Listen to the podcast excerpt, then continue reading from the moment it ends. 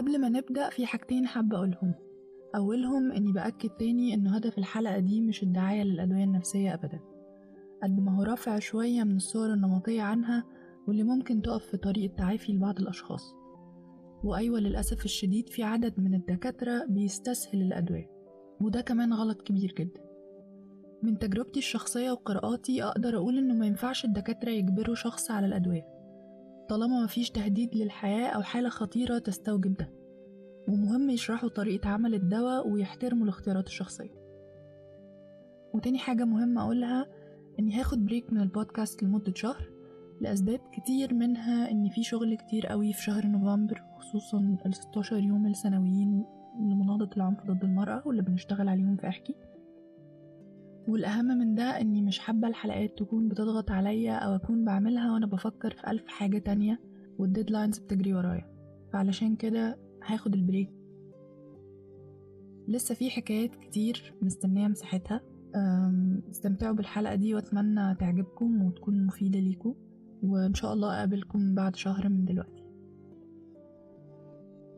يا أهلا وسهلا. أنا ندى بداوي ودي حلقة جديدة من بودكاست في دماغي. قبل ما نبدأ مهم التنبيه إن الحلقات قد تحتوي على أحداث أو مواقف ممكن تكون مؤثرة أو محفزة لذكريات تقيلة. لو حسيتوا بأي مشاعر صعبة وقفوا فورا وتقدروا ترجعوا للحلقة في أي وقت تكونوا مستعدين فيه. ودايما بنشجعكم على طلب المساعدة من المتخصصين. يلا بينا نبتدي جملة الدواء فيه سم قاتل دي جملة شهيرة قوي من فيلم مصري قديم. بس المواطن أحمد إبراهيم القاطن في دير النحاس واللي مصر كلها كانت بتكلمه عشان ما ياخدش الدواء ما كانش عنده مشكلة أو مرض نفسي. بس أعتقد الجملة الشهيرة دي ممكن تكون مناسبة جدا للأفكار السائدة عن الأدوية النفسية إن فيها سم قاتل وإدمان واعتمادية ده غير إنها من تحت لتحت كده بتقول إنك مش مسيطر على حياتك بشكل كافي. ناس كتير بتخاف لما بيتكتب لها دواء نفسي مضاد اكتئاب أو مضاد قلق أو أي مكان الدواء يعني. وده طبيعي لأن المعرفة عنه مش كافية. والصور النمطية اللي اتكلمنا عليها في الحلقة اللي فاتت مقصرة طبعا. بس خلونا النهاردة نبتدي بتجربة رضوى. وعلاقتها كانت عاملة إزاي مع الدواء النفسي؟ واستقبلته إزاي لما الدكتورة كتبته لها؟ خلونا نسمع أه حكايتي مع العلاج النفسي أو الدواء النفسي تحديدا بتبدأ مع بداية العلاج أصلا. لأنه ال psychiatrist بتاعتي قررت إن أنا محتاجة الدواء من أول session ده ليه؟ لأن أنا كنت رايحة لها تعبانة جدا وأنا مش مدركة قد إيه أنا تعبانة ومحتاجة لها. قعدت حوالي 3 شهور في معاناة. يمكن آخر فترة منهم كنت بفايت مع نفسي أو بتخانق مع نفسي إني مش عايزة أروح أصلا. يعني بحاول إن أنا أبقى كويسة من غير ما ألجأ للحل ده. نظرا إن كل الناس خوفتني واول ما قلت حتى لدكتوري الطبيب يعني البشري قال لي لو رحتي هتاخدي العلاج هتديكي علاج ممكن لدرجة لست شهور أو أكتر بداية لازم يبقى ست شهور فما تعمليش كده وما تاخديش أدوية نفسية. رغم إن هو اللي شخصني وقال لي إن أنا جسديا ما عنديش أي حاجة لكني أنا سايكوسوماتيك أو ألم جسدي بسبب الألم النفسي يعني أو المرض النفسي. أول ما رحت لها وحكيت لها على كل الأعراض اللي عندي واللي حصل لي فترة الثلاث شهور هي قررت إن أنا محتاجة دواء للأنكزايتي أو لعلاج القلق وشخصتني باضطراب قلق وخوف أو anxiety disorder يعني. في الأول قلت قالت لي أنتي عندك مانع إن أنتي تاخدي الدواء قلت لها أنا مش عايزة أكمل حياتي باخد دواء.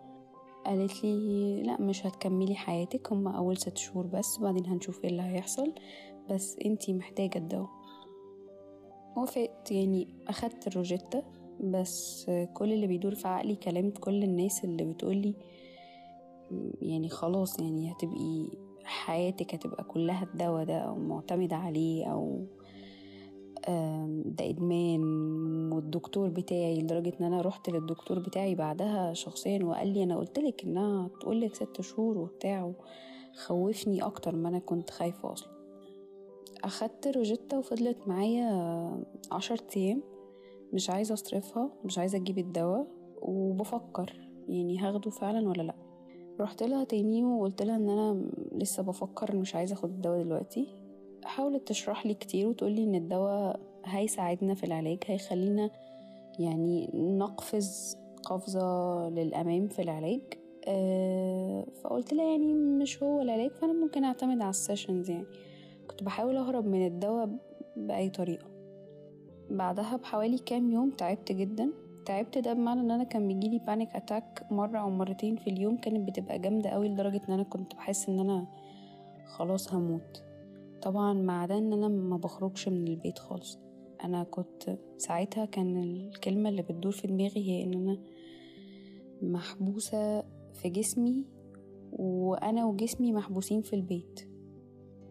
ده حرفيا اللي كان بيدور في عقلي ساعتها إن إحنا أنا مش قادرة أكمل كده أو مش أنا مش بعرف أخرج من البيت لأن الانكزايتي بتخلي الشخص مش قادر يتحرك أو يتعامل عادي. فما كنتش في حالتي الطبيعية تماما يعني. بس ما كنتش برضو لسه مدركة ده. تعبت برضو جاتلي panic attacks مرتين في اليوم وتعبت جدا. فقررت إنه طيب خلاص أنا هاخد الدواء. على أساس إنه هو زي أي دواء يعني اللي هو مسكن مثلا يعني. هبعت أجيبه دلوقتي فهرتاح دلوقتي. كنتش فاهمة طبيعة العلاج النفسي بيشتغل إزاي. قعدت جبت الدواء أخدت أول قرص. تمام ما حسيتش بحاجة. تاني يوم تاني قرص جاتلي panic attack قوية جدا لأنه الدواء لسه ما اشتغلش. الدواء عادة بيشتغل بعد أسبوعين.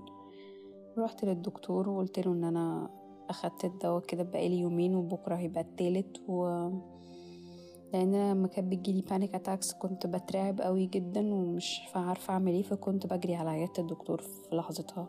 قبل ما بروح طبعا كانت ال attack بتختفي يعني مدتها قصيرة يعني وكانت بتروح. قال لي أنا قلتلك وقلتلك ما تاخديش الدواء وهو ما عملش حاجة. مش عارفة يعني مش فاكرة قوي. بس هو يعني كان مصر إن أنا ماخدش الدواء النفسي ده مش عارفة ليه. أخدته تالت يوم. تعبت جدا. لسه لحد دلوقتي مش قادرة أقرر إذا كانت دي الأعراض الجانبية فعلا ولا زي ما الدكتورة قالت لي إنه it was just an illusion. يعني ده كان مجرد بس خيالات من ال من ال anxiety أو القلق. فشخص بيقلق على حياته أو بيقلق بشكل عام فطبيعي إن هو هيقلق من دواء. ده أحد أشكال القلق. القلق بيجي في forms كتيرة جدا تخاف من أي حاجة. تعبت بمعنى إن أنا كنت مش قادرة أتكلم مش قادرة أتحرك. عايزة أنام طول الوقت. حاسة بغثيان حاسة بتعب. ضغطي واطي جدا. حاسة إن أنا مش موجودة. فده إحساس تعبني جدا جدا يعني وحاسة إن أنا محتاجة آكل سكريات. قريت دخلت قريت عن الأعراض الجانبية للدواء فلقيت إنها فعلا يعني دي أحد الأعراض الجانبية. وقريت بقى عن الدواء حاجات كتير جدا. من ضمن الحاجات اللي أنا قريتها في الارتكلز الإنجليش تحديدا إنه it's making you getting in your real personality or your your normal personality. هو حرفيا بيرجعك لحياتك الطبيعية أو لشخصيتك الطبيعية. فأنا حسيت إنه إيه الأفورة دي؟ يعني هو إيه شخصيتي الطبيعية أو حياتي الطبيعية؟ ما أنا حياتي تمام يعني. أنا زي ما أنا. يعني ساعتها حسيت بغضب جامد قوي لما تعبت من الدواء وإنه دي الأعراض الجانبية وأنا لما سألت الدكتورة قالت لي إنه مفيش أعراض جانبية. فرحت لها في السيشن كنت غضبانة جدا. قلت لها أنا أنت قلتي إن مفيش أعراض جانبية وأنا حصل لي واحد اتنين تلاتة وأنا وقفت الدواء. قالت لي ما ينفعش إن انت توقفي الدواء من غير ما أقولك و... ودي أعراض طبيعية وقلت انت ما قلتليش انه أنا كنت شبه بتخانق مع انت ما قلتليش إن في أعراض جانبية. كنت غضبانه جدا وكنت حاسة أنا مش عايزة أروح لها تاني. قالت لي لأ هو الأعراض الجانبية بتختلف من شخص لآخر واللي حصل لك ده احتمال كبير جدا ما يكونش أصلا الأعراض الجانبية ده يكون مجرد illusions. أنتي ما حصلكيش حاجة. قلت لها لا ده من الأعراض الجانبية وأنا خفت جدا من ده وأنا مش هاخد الدواء ده تاني. كانت بتحاول تفهمني بس إنه أنا محتاجة الدواء ده. وأنا كنت ب... ب... يعني بحارب حرفيا بكل ما أوتيت من قوة إن أنا مش هاخد الدواء ده. أه كملت كده لمدة تلات شهور. فعلا يعني من شهر عشرة كله لشهر اتناشر. أه بروح ال sessions كل أسبوع. بحكي في كل حاجة. بتعلم تمرينات لما تجيلي ال panic attacks ومفيش أنا مش حاسة بأي تقدم. يعني أنا مش حاسة إن أنا مش عارفة لسه أنزل مع أصحابي. كنت بروح لها كل مرة بقول لها أنا عايزة أخرج مع أصحابي. أنا عايزة أنزل. I I feel trapped. Trapped يعني أقوى بالإنجلش لأنه أنا حاسة زي ما يكون حد اصطادني كده وحاططني في شبكة. أنا محبوسة. هي كانت بتقولي كل مرة استني شوية. واستني شوية دي طولت قوي تلات شهور أنا أنا مستنية أخرج من البيت شايفة كل الناس بتخرج وأنا ما مش عارفة أخرج من البيت. مش عشان حاجة أنا اللي منع نفسي أنا مش عارفة أخرج أنا لسه خايفة أخرج من البيت. فأنت كده بتعملي إيه يعني؟ بعد التلات شهور في يوم كده صحيت لقيت نفسي مش عارفة أكل.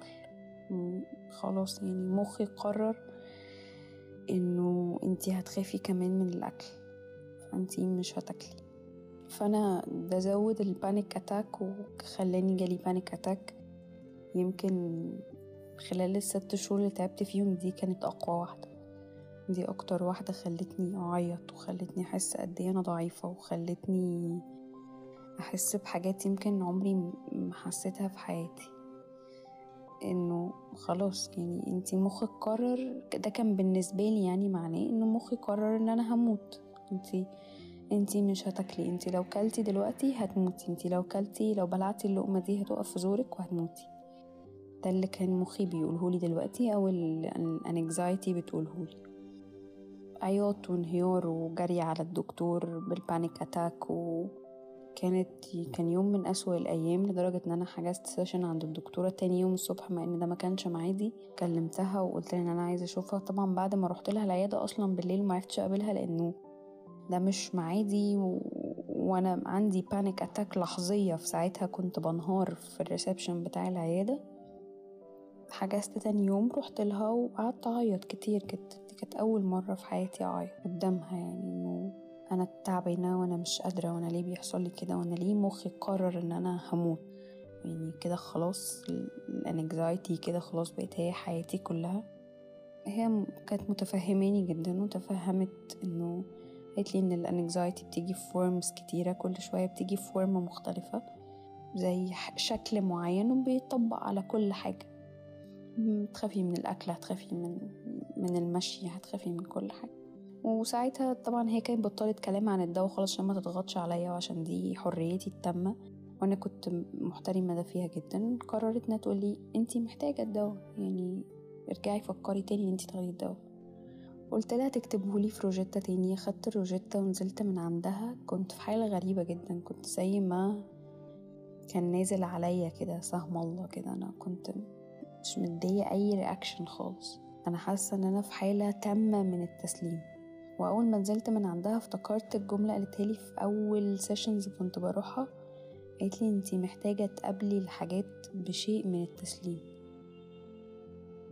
ساعتها بقى بعدها أو بعد يمكن شهرين أو ثلاثة فهمت هي ليه كانت بتقولي كده أو فهمت معنى الجملة دي. محتاجة أقابل الحاجات بشيء من التسليم يعني محتاجة أبطل أتخانق معاها وأتخانق مع نفسي. والموضوع مش محتاج خناق الموضوع محتاج إنه انتي تسلمي إن انتي محتاجة الدواء ده دي مش حاجة سيئة. خدت الروجيتا وخدت الدواء وعرفت أبلع الدواء دي كانت حاجة غريبة بالنسبة لي. خدت الدواء أول يوم تاني يوم خامس يوم سادس يوم مفيش أي حاجة حصلت. مدة أسبوعين كان معادي معاها رحت لها. قلت لها أنا أخدت الدواء بقالي أسبوعين اتبسطت جدا وقالت لي أخيرا. وقلت لها ما حصليش أي حاجة مجاليش أي أعراض جانبية. ده كان غريب. حسيت إنه يمكن الأعراض الجانبية اللي جاتلي في الأول دي كانت نتيجة خناقتي مع الدواء أو خناقتي مع نفسي. لما قررت آخد كل حاجة بشيء من التسليم كده يمكن كل حاجة كانت بسيطة أو كل حاجة مشيت صح. يمكن حسيت إن أنا مش محتاجة أتخانق مع كل حاجة بعد كده. في حاجات محتاجين نقبلها زي ما هي أو ناخدها بشيء من التسليم فعلا. بس والدواء ده كان يعني اكشلي كان هو العلاج. بعد ما بدأت آخد الدواء بشهر تقريبا نزلت من البيت رجعت لحياتي.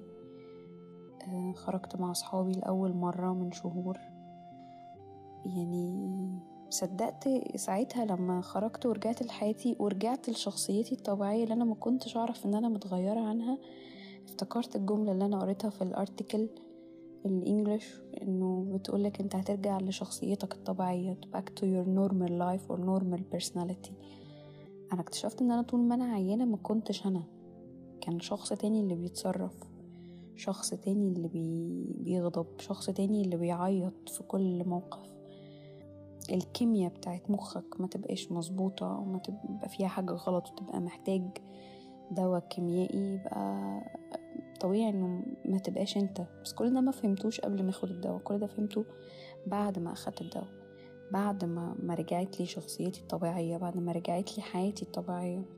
كل مرة كنت بروح لها بعدها بقول لها أنا لسه مستمرة على الدواء القمر. كانت بتضحك جدا وتقولي دلوقتي صدقتي إنه الدواء حلو. دلوقتي بقى اسمه الدواء القمر. قلت لها آه ده قمر يعني. وعندي استعداد إن أنا آخده بقية حياتي يعني. ما عنديش مشكلة. ولا إدمان ولا أي حاجة. عادي. دواء زي أي دواء. آه معرفش لو بطلته هيحصل إيه. أنا بقالي دلوقتي سبع شهور باخده. معرفش ما عنديش أي فكرة لو بطلته حصل إيه. بس أنا ما عنديش أي تخوف خلاص من أي دواء بعد كده. بلوم ناس كتيرة أوي خوفتني من الأدوية ماما و...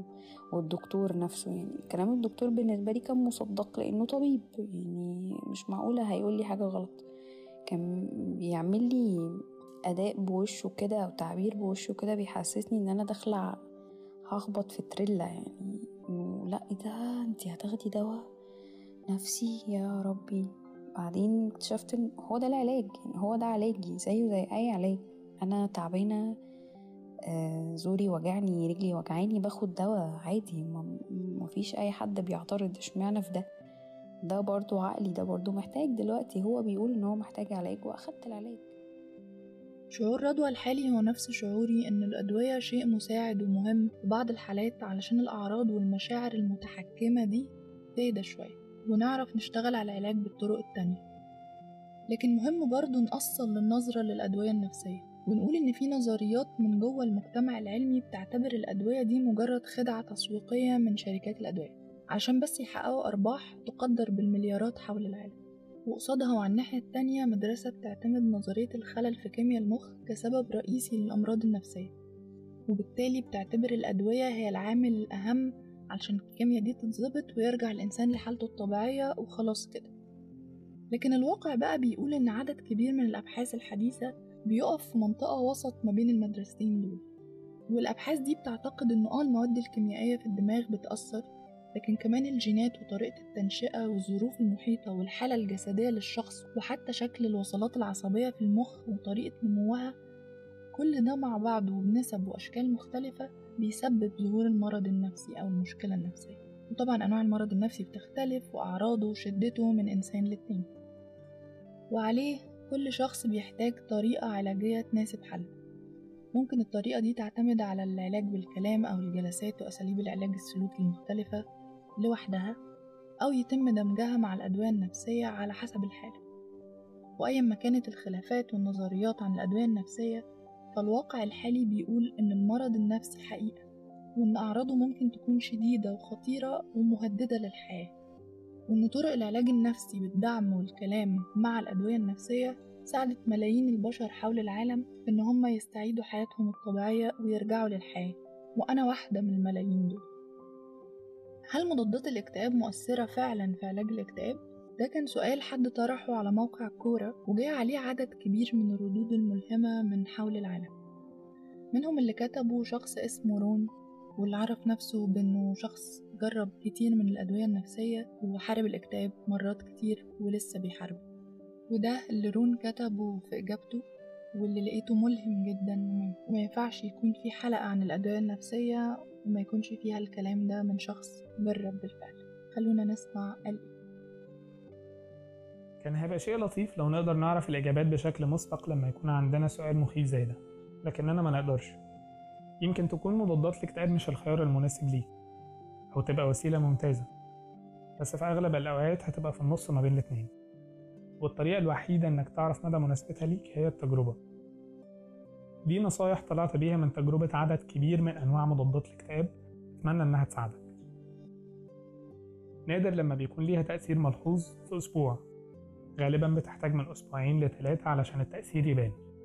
والتأثير ده ما بيكونش خفي وفي نفس الوقت مش درامي. بتلاحظ إنه في اختلاف في طاقتك مثلا. وممكن تستعين بكتابة شعورك اليومي علشان تلاحظ الفرق. مضادات الاكتئاب ما بتمنعش الأفكار السلبية. ده دورك مع مساعدة من مختص. لكن لما الدواء بينجح بيخلي الأفكار أقل قوة وتغييرها أسهل شوية. ممكن تاخد شهور علشان توصل للجرعة الصح من الدواء الصح. والدكتور ممكن يغير الدواء لو ما كانش فيه نتيجة. علشان كده مهم تكون صريح مع طبيبك بخصوص شعورك. لو حسيت فجأة برغبة شديدة في الانتحار أو أفكار ملحة من غير سبب اتكلم مع أهلك أو صحابك وتواصل مع الطبيب بشكل فوري. لأنه ده ممكن يكون عرض جانبي نادر لبعض الأدوية بس احتمالات حدوث ده قليلة. اتأكد مع طبيبك من عدم وجود أي أعراض جسدية أو مشاكل في الفيتامينات والمعادن في جسمك أو الهرمونات في الغدد لأنه ممكن ما تكونش محتاج مضادات اكتئاب. لما يكون عندك طاقة حاول تبني عادات إيجابية في حياتك. مارس رياضة. عيش حياة صحية متوازنة. وحافظ عليها طول الوقت لأنه ده مهم في علاج مرض زي الاكتئاب مثلا. وعلى الأرجح مش هتحتاج تاخد مضادات اكتئاب لباقي حياتك. لما تحس إنك مستعد توقفها اتكلم مع طبيبك. لأن بعض الأدوية بتحتاج تقليل الجرعات حسب خطة مدروسة مش إنك توقفها فجأة من نفسك. زي ما سمعتوا كده الأدوية جزء من العلاج النفسي مش كل العلاج. وإحنا مش هدفنا أبدا تضخيم إنجازات الأدوية وتأثيرها. لكنها برضو محاولة لتصحيح أفكار بتلغي أهميتها أو بتربطها بالإدمان والضعف وده مش صحيح أبدا. لأن كتير من الأدوية دي آمن مع الاستخدام الواعي والاستشارة الطبية الصحيحة والالتزام بالجرعات ومتابعة الجلسات مع الطبيب. وطبعا إننا منوقفش الدواء من دماغنا كل ده بيخلي التوقف سهل في أغلب الحالات. بشكل شخصي أعتقد إن إن الدواء فعلا أنقذ حياتي طبعا مع الثيرابي عموما. بس الدواء كان مهم عشان يهدي الأفكار دي شوية ويخليني بعد كده أتجاوب في الجلسات نفسها. وأفهم الدكتور بتقول إيه. متهيألي لو ما كنتش باخد الدواء في حاجات عمري ما كنت هتقبلها لأني كنت هبقى غرقانة في شعوري وقتها. شعوري بالحزن أو بالضعف أو بقلة الحيلة أو. بانعدام المعنى. ما كنتش هبقى بفكر في التفاصيل الحاجات بنفس الطريقة كان لازم يبقى فيه مسكن علشان أعرف أشوف الحياة فيها إيه. يعني لما حد فينا بيجيله صداع مثلا بيبقى بيعمل حاجة تانية. صداع قوي ومزمن. بيبقى كل تفكيرنا في الصداع ده ما بنعرفش نعمل أي حاجة غير لما بناخد مسكن بعدين نبدأ نركز في الحاجات التانية. أعتقد ده بالظبط اللي حصل معايا مع الدواء وبالمناسبة أنا جربت أدوية كتير وجرعات مختلفة علشان أوصل للجرعة الصح بالطريقة الصح واللي فعلا تجيب تأثير. فالموضوع بياخد شوية وقت وصبر ومجهود. وبكرر إن الحلقة دي مش هدفها إنه يلا يا جماعة انزلوا خدوا أدوية نفسية لأن هي لوحدها ما تنفعش. من وجهة نظري أو من تجربتي أنا الشخصية محتاجة حاجات كتير قوي جنبها. وعلشان ما نطولش أكتر من كده حابة في نهاية الحلقة أشكر رضوى على صبرها إنها تسجل لي كل ده. وأشكر عبد الرحمن على قراءة إجابة ران وأشكركم طبعا على وقتكم وبطلب منكم تقيموا البودكاست على أي منصة بتسمعوه عليها. وتشاركوا الحلقة مع حد بتحبوه ممكن يكون مهتم. وهننهي النهاردة برضو بتمرين الإمتنان. التمرين اللي خدت فيه وقت النهاردة أطول من أي يوم تاني علشان أفكر هو أنا فعلا ممتنة لإيه؟ لأني مريت النهاردة بيوم صعب. بس أعتقد إني ممتنة لأهلي وللبيت وللمحاولات المستمرة. أتمنى تشاركوني امتنانكم اليوم واستنونا في الحلقة الجاية من بودكاست في دماغي. اهتموا بنفسكم دايما محبتي.